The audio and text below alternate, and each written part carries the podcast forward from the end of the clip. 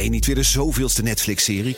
Kom naar de Monday Moves van BNR. Op maandag 18 maart zal op het podium Arend-Jan Boekenstein, Michal van der Toren, Geert-Jan Haan en Bernard Hammelburg. Ze hebben het over geopolitiek. Het is oorlog. Moeten we vechten, vluchten of bevriezen? Onder leiding van mij, Art Rooijakkers. 18 maart dus in het De La Mar Theater in Amsterdam. Check bnr.nl slash mondaymoves. BNR Beurs wordt mede mogelijk gemaakt door Bridge Fund. Make money smile. BNR Nieuwsradio. BNR Beurs. Wesley Weert, Jelle Maasbach. We praten hier helemaal bij over beleggen, over Hollandse aandelen, beursbedrijven uit het buitenland. Hoe dan ook, we zijn maar wat blij dat je weer luistert. En we kunnen het niet vaak genoeg zeggen. Heb je een vraag over een aandeel, een sector, verschil tussen beurzen... of liever berichtjes over hoe geweldig dit programma is... stuur het naar bnrbeurs.bnr.nl. En de vragen die beantwoorden we dan morgen in onze vrijdaguitzending. Je krijgt niet zo vaak lieve berichtjes, hè? Nee. Dat klopt. Nou, dus stuur ze vooral. Stuur ze vooral op. het is donderdag 23 maart, de day after het Amerikaanse rentebesluit. We understand that our actions affect communities, families and businesses across the country. Everything we do is in service to our public mission. We at the Fed will do everything we can to achieve our maximum employment and price stability goals. Ja, daar hoor je zo meteen eh, alles over, over dat besluit van Jerome Powell. Vandaag sloot de AX twee tiende van een procent in de plus, boven de 743 punten. En onze gast van vandaag is Jim Terpoering van 1 Vermogensbeheer. Ik zag een uh, super interessant verhaal in het FD en belangrijk. Daar wil ik mee aftrappen, want er is een verkoopgolf onder vastgoedbeleggers gaande. Heeft alles te maken met strengere huurregels. Want het kabinet wil de huren van 150.000 woningen verlagen. Het wil zo de huren betaalbaarder maken en dat is een mooi voornemen. Mm -hmm. Maar het gevolg is dat beleggers daardoor te weinig aan hun vastgoed kunnen verdienen. En daarom zetten ze hun huizen te koop. Jim, is het inderdaad niet meer uh, rendabel, huis voor de verhuur? Nou, uh, daar kan je daar zo flinke vraagtekens bij zetten. Want het leek natuurlijk prachtig dat je nog een appartementje in de stad had... wat je voor de hoofdprijs kon verhuren. Ja, die hoofdprijs die komt nu een beetje onder druk te staan. Dus dat is de ene kant van de medaille. En de mm -hmm. andere kant van de medaille die is ook negatief. En die heeft alles te maken met het fiscale stelsel. Namelijk dat beleggingen in box 3, en dan specifiek ook vastgoed... veel zwaarder belast gaan worden. En dat komt neer op ongeveer 2 procent... Uh, van, van, de, van de waarde van je, uh, van je pand. Dus ja, heb je een uh, appartementje van, zeg even, 300.000 euro... dan moet je alleen al aan belasting 6.000 euro daarover gaan betalen.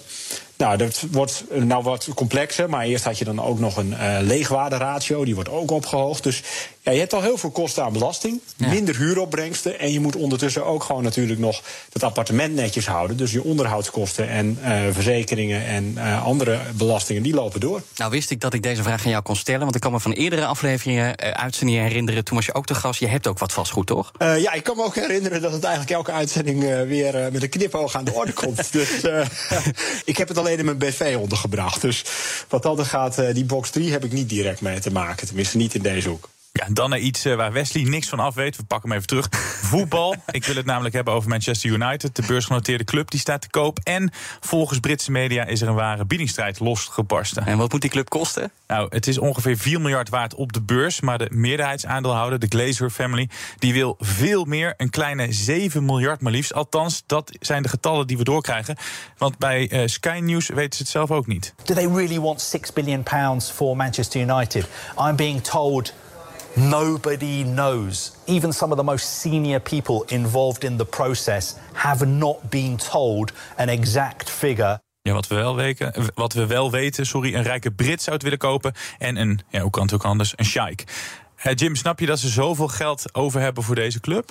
Nou, vanuit die, uh, van, vanuit die oliesheiks begrijp ik het wel. Want of je het nou hebt inderdaad over Manchester United of bijvoorbeeld Paris Saint-Germain die vinden het gewoon leuk om een voetbalclub te hebben. Ja. Um, he, we hebben ook uh, natuurlijk clubs gehad die in handen waren van Russen. Dus dat is voor hen meer een speeltje.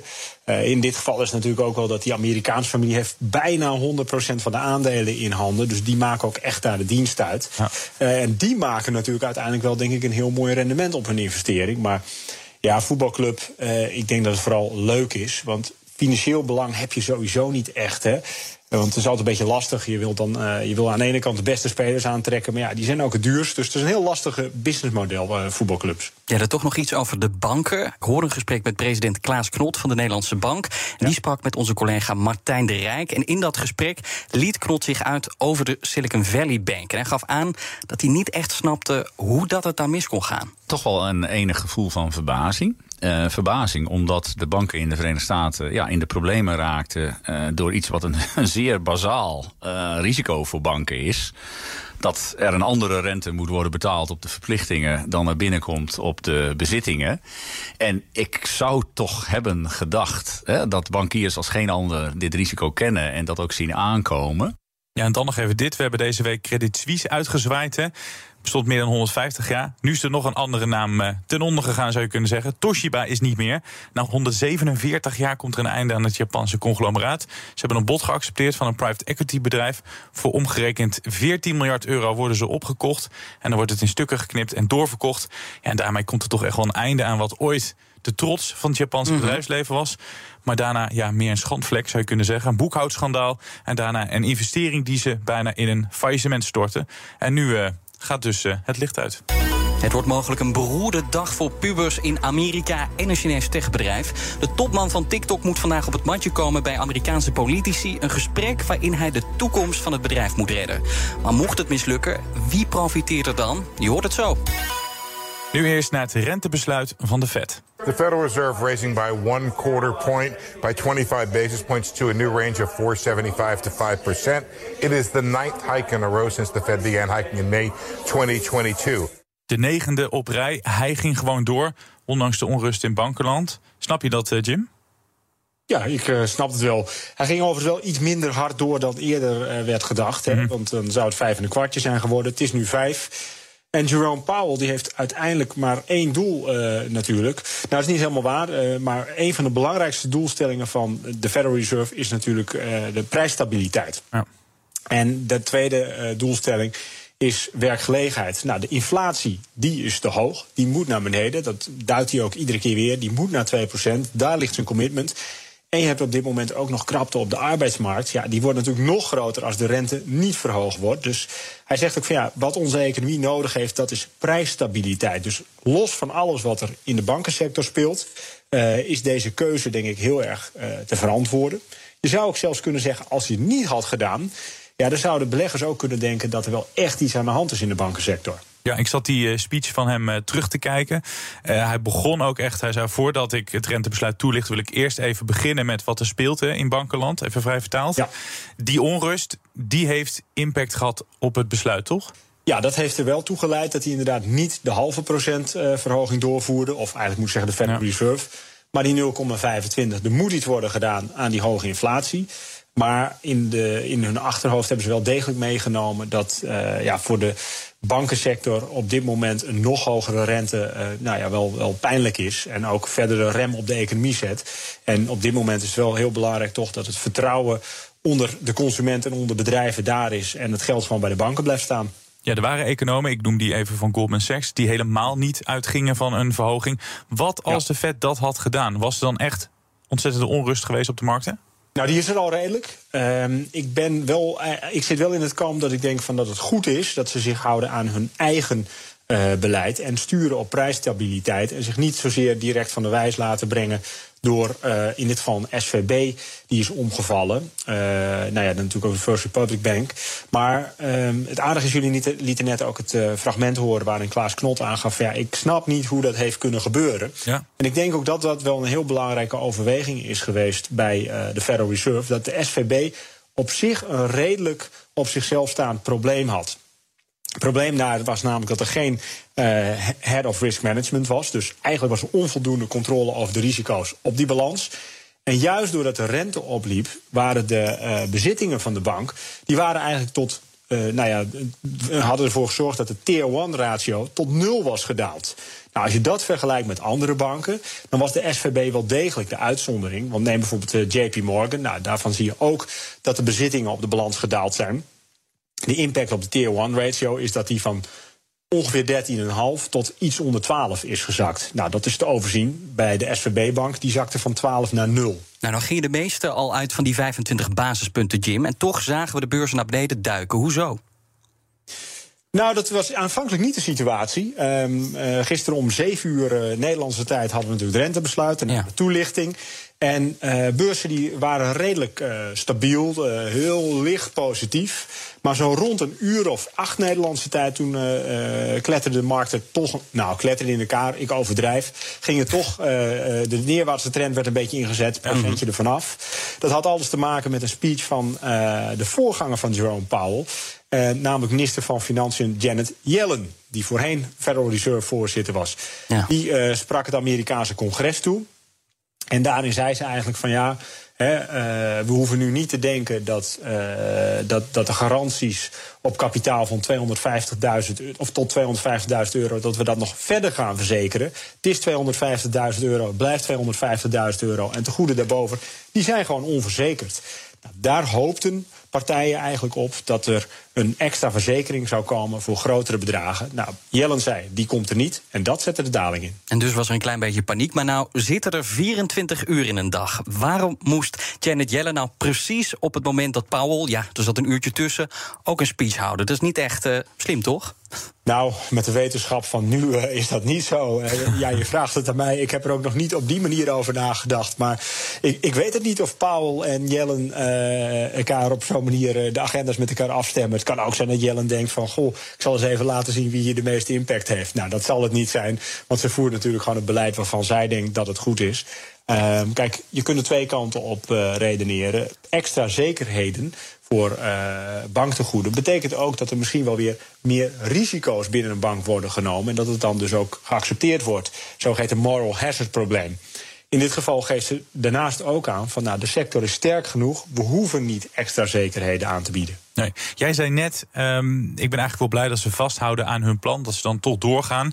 Ja.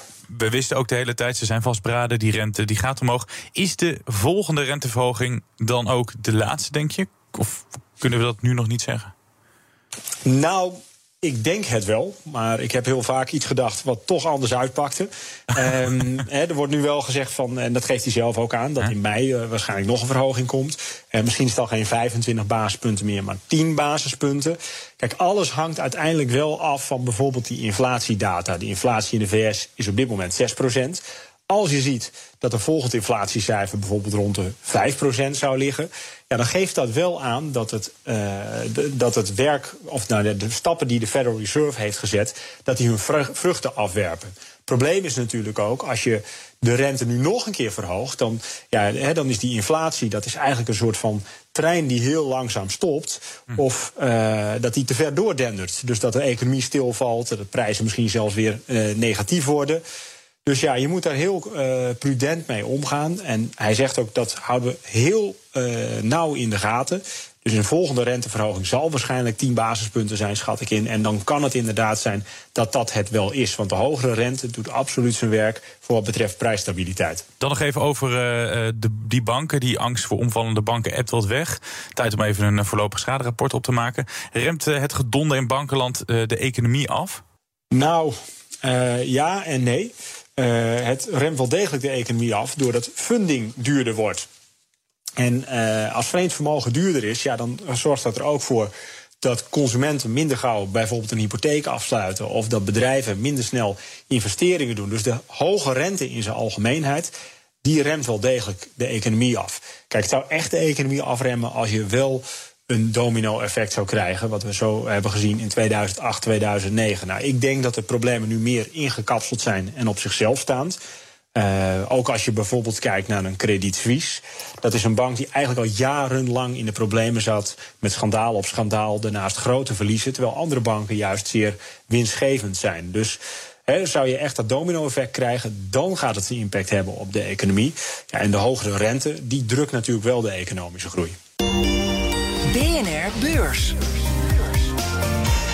De Amerikaanse koersborden kleuren groen. Beleggers zijn in een goede stemming. De Dow Jones staat 0,7% hoger. De S&P 500 een procent in de plus. En de Nasdaq staat 1,7% in de plus. Ik wil beginnen met het aandeel Coinbase. Want dat gaat flink naar beneden, 13% maar liefst. En de reden is dat het wordt onderzocht door de beurswaakhond SEC... want dat vindt dat het crypto-platform niet aan de regels voldoet. Jim, waarom zijn ze in overtreding? Zij overtreden een zogeheten uh, wet. En dat is al een uh, wet die eigenlijk uit 1933 uh, staat. He, dat is een, ze hebben een zogeheten Wells Notice gekregen... omdat ze dus artikel 1934 en 1933 hebben overtreden. Je hebt je huiswerk gedaan. staat niet sinds 1933, maar ze hebben twee wetten overtreden. En ja, die hebben te maken met het feit dat zij eigenlijk volgens de SEC... de handel in aandelen en obligaties mogelijk maken... en zich presenteren als een crypto-platform, waarmee ze dus niet aan de voorwaarden daarvoor zouden hoeven voldoen voor aandeelhandel en uh, obligatiehandel. Die Mhm. zijn namelijk veel strenger. En wat kunnen de gevolgen zijn? Boetes? Ja, uh, dat zal eerst waarschijnlijk een uh, boete onder. De, nou, het is nu een waarschuwing. Het zal uiteindelijk een boete onder dwangsom kunnen zijn. Of daadwerkelijke boetes. Vaak is het zo dat toezichthouders eerst een uh, boete onder dwangsom geven, waarmee je een bepaalde tijd hebt om orde op zaken te stellen. En daarna kan ook een echte boete volgen. Volgens mij heeft uh, een van hun uh, collega's, het platform Kraken, heeft vorig jaar ook een boete gehad van uh, 30 miljoen. Of nog niet zo lang geleden is dat geweest. Omdat zij dus ook op vergelijkbare wijze de wet hadden overtreden. Ik heb nog even verder ge gekeken, want dit is ook niet mijn uh, dagelijkse bezigheid. Maar het uh, zou zo zijn dat Coinbase de mogelijkheid biedt om crypto's te, te steken. En dat is eigenlijk een soort van sparen, waarbij in dit geval Coinbase de mogelijkheid heeft om dat spaargeld, die crypto's, weer uit te lenen of te gebruiken voor andere investeerders. En dan krijg je een stukje rente over. En dan ben je gewoon ja, eigenlijk bank aan het spelen. En de SEC zegt natuurlijk van ja, als je bank of uh, uh, broker speelt, dan moet je ook houden aan de regels die gelden voor banken en brokers. Ik wou de twee bedrijven uitpikken die heftig reageren op een rapport. Ten eerste uh, Block, dat is het voormalig Square, waar Jack Dorsey, je weet wel, de oude ja. baas van, uh, van Twitter aan het roer staat. Mobiel betalingsplatform, dat Block. Er is een rapport van een shortseller, Hindenburg, is uh, uit. En die zeggen, ja, dat bedrijf sjoemelt met de gebruikersaantallen. Ze zetten de, de deuren wagenwijd open voor criminelen. Nou, dat bedrijf gaat hard naar beneden, staat 13,5 procent. Ja. En dat vond ik wel grappig. Netflix ik zie dat de koers door het dag gaat 8,5% erbij. Er is een analistenrapport uh, die spreekt over het feit dat het goed gaat in Canada. Dat ze het beter doen dan verwacht. Maar goed, 8,5% erbij van Netflix. Omdat ze beter doen in Canada. Ik weet niet hoe groot die markt is voor ze. Maar het zijn nogal uh, groot genoeg voor beleggers. BNR Beurs. Wordt TikTok verboden of gedwongen verkocht? De topman moest op het matje komen het Amerikaanse congres toespreken.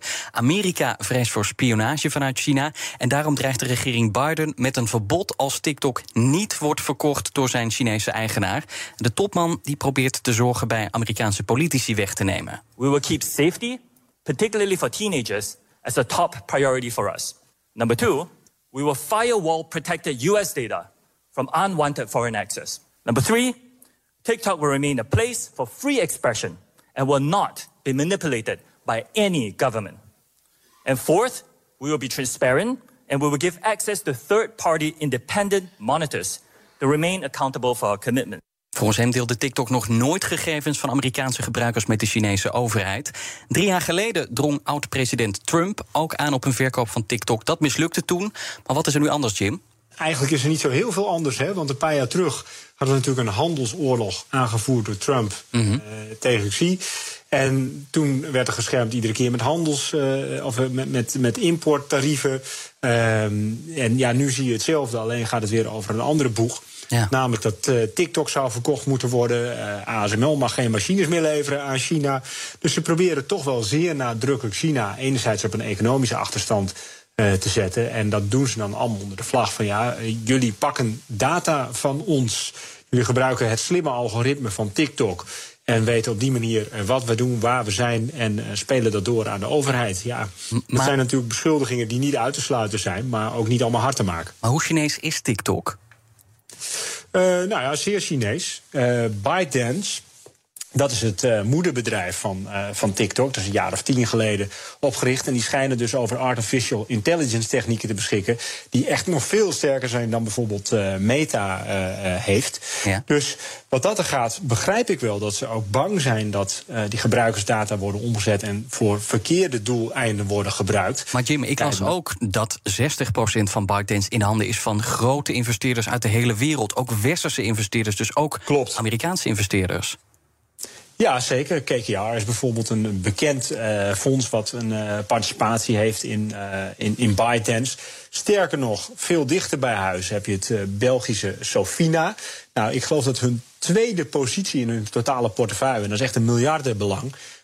dat, dat is dus ook al heel erg lang een belang in ByteDance. Dus dat Belgische Sofina is ook een groot aandeelhouder in TikTok. En die hebben daar natuurlijk heel veel nou ja, aan verdiend. Ja, maar als er dan tot zo'n verbod komt, zijn dan niet vooral die westerse investeerders te pineut? Nou, kijk, op korte termijn misschien wel. Omdat uh, uh, als er een verbod op TikTok komt, is de situatie natuurlijk dat hun investering minder waard wordt. Nou, om da dat is waarschijnlijk ook de reden dat het uh, congres erop aandringt, of de Amerikaanse overheid, dat TikTok wordt verkocht als losse entiteit, los wordt gemaakt van ByteDance. Waarmee uiteindelijk weer meer zeggenschap is onder westerse landen. Kijk, uiteindelijk is het weer wel zo, daar moeten we ook reëel in zijn. Uh, ongeveer 15% van de gebruikers uh, van TikTok, dat zijn Amerikanen, maar het, het leeuwendeel, dat zijn Aziaten. Ja, maar het zijn toch 150 miljoen Amerikanen. Tegelijkertijd kunnen die Amerikanen er ook van profiteren, denk ik. Want uh, de koersen van Meta en Snap die stegen. Vorige week was dat, geloof ik, toen die mogelijke ban bekend werd rond, rond TikTok. Zijn dat dan ja. ook de bedrijven die gaan profiteren als het eenmaal zover komt? Uh, ja, waarschijnlijk wel. Kijk, dat is uh, nu natuurlijk vandaag zelfs stijgen ze ook allebei zo'n 4 of 5 procent. Ja, wie zitten er vooral op uh, een, een, een, platform als TikTok? Dat zijn echt jongeren. Dus die zitten misschien, die zouden dan gedwongen worden tot een alternatief. Zoals bijvoorbeeld Instagram of Snap natuurlijk. Kijk, de meeste, nou ja, zeg eventjes, iemand van 30 jaar of ouder zit wat minder vaak op TikTok. Nou, ik heb gehoord, Geert Wilders zit er dan wel op. um, Maar ja, uiteindelijk is het wel zo dat die jongeren die gaan een alternatief zoeken. Uh, waarbij overigens waarschijnlijk ook geldt dat over vijf jaar is er sowieso iets heel anders. Ja, ja, tot die tijd zou wel alle data in handen kunnen komen van de Chinese overheid. En dat wil natuurlijk het Westen voorkomen. Maar zo'n TikTok-verbod kan dus een droomscenario worden voor beleggers in Amerikaanse social media bedrijven. Ja, dat kan het wel worden, maar dan moeten we ook eerlijk zijn. Ja. Een bedrijf als Snap, uh, of een aandeelhouder Snap, kan dat ook wel gebruiken. Want ja. een uh, aandeeltje Snap noteerde een jaar geleden zo'n 40 dollar. En dat is nu uh, even uit mijn hoofd 11, 12 dollar. Dus er is al driekwart van de koers af. en de Snap-belegger heeft nog weinig lol tot dusver gehad van die beursgang. En, uh, ja, en dat heeft alles te maken met concurrentie van bijvoorbeeld uh, een TikTok of een Instagram. Dus ja, die kunnen ook wel positief nieuws gebruiken. En dit zou positief voor hun kunnen uitpakken. Jij zijn droomscenario voor beleggers. Ik kan me ook voorstellen dat als het zover komt dat China gewoon terugslaat, ook die Amerikaanse bedrijven, dat die dan ook uh, de pineut zijn. Denk je niet, Jim? Nog even heel kort. Nou, dat is wel een gevaar natuurlijk, hè? want we hebben het, uh, ik noemde kort eventjes ASML, uh, wat natuurlijk ook geen machines, of ja, wel machines mag leveren aan uh, China, maar de meest moderne types niet. Ja. daarvan heeft natuurlijk de ambassadeur ook al gezegd van ja, hier zijn wij niet blij mee. de China in zijn algemeenheid zal hier niet blij mee zijn. Komt misschien ook met represailles. Dat kan in alle hoeken zijn. Dat kan zijn met steun aan Poetin, uh, dat kan zijn met sancties op Amerikaanse bedrijven. En daar moeten we juist niet in verzanden. Want laten we wel wezen dat het opengaan van de Chinese economie na uh, corona, wat echt nog maar zeer recente situatie is. Dat is ook een hele belangrijke motor en voor onze economie en echt een afzetmarkt ook voor westerse bedrijven. Dan naar de dag van morgen. Als je dol bent op economische data van landen, dan zit je deze dag helemaal goed. Om te beginnen met ons eigen land. Het CBS komt met cijfers over de overheidsfinanciën. En ook laten de rekenmeesters zien hoe de huishoudens en bedrijven er financieel voor staan. Uit het Verenigd Koninkrijk komen de detailhandelsverkopen en het consumentenvertrouwen. Japan komt met een inflatiecijfer en uit de VS komt een cijfer over duurzame orders. Nou, je begrijpt vast dat Jelle en ik uitkijken naar het cijferseizoen. Oh, dat, dat is saai. Maar goed, het is bijna weekend. Dit was hem. Dank Jim Terpoering van Even Mogensbeer. Goed dat je bij ons was. Ja, voor we helemaal afzwaaien, nog de zoetsappige stem van collega Emma... met een tegeltjeswijsheid van Corné van Zijl. Vandaag eentje over vertrouwen.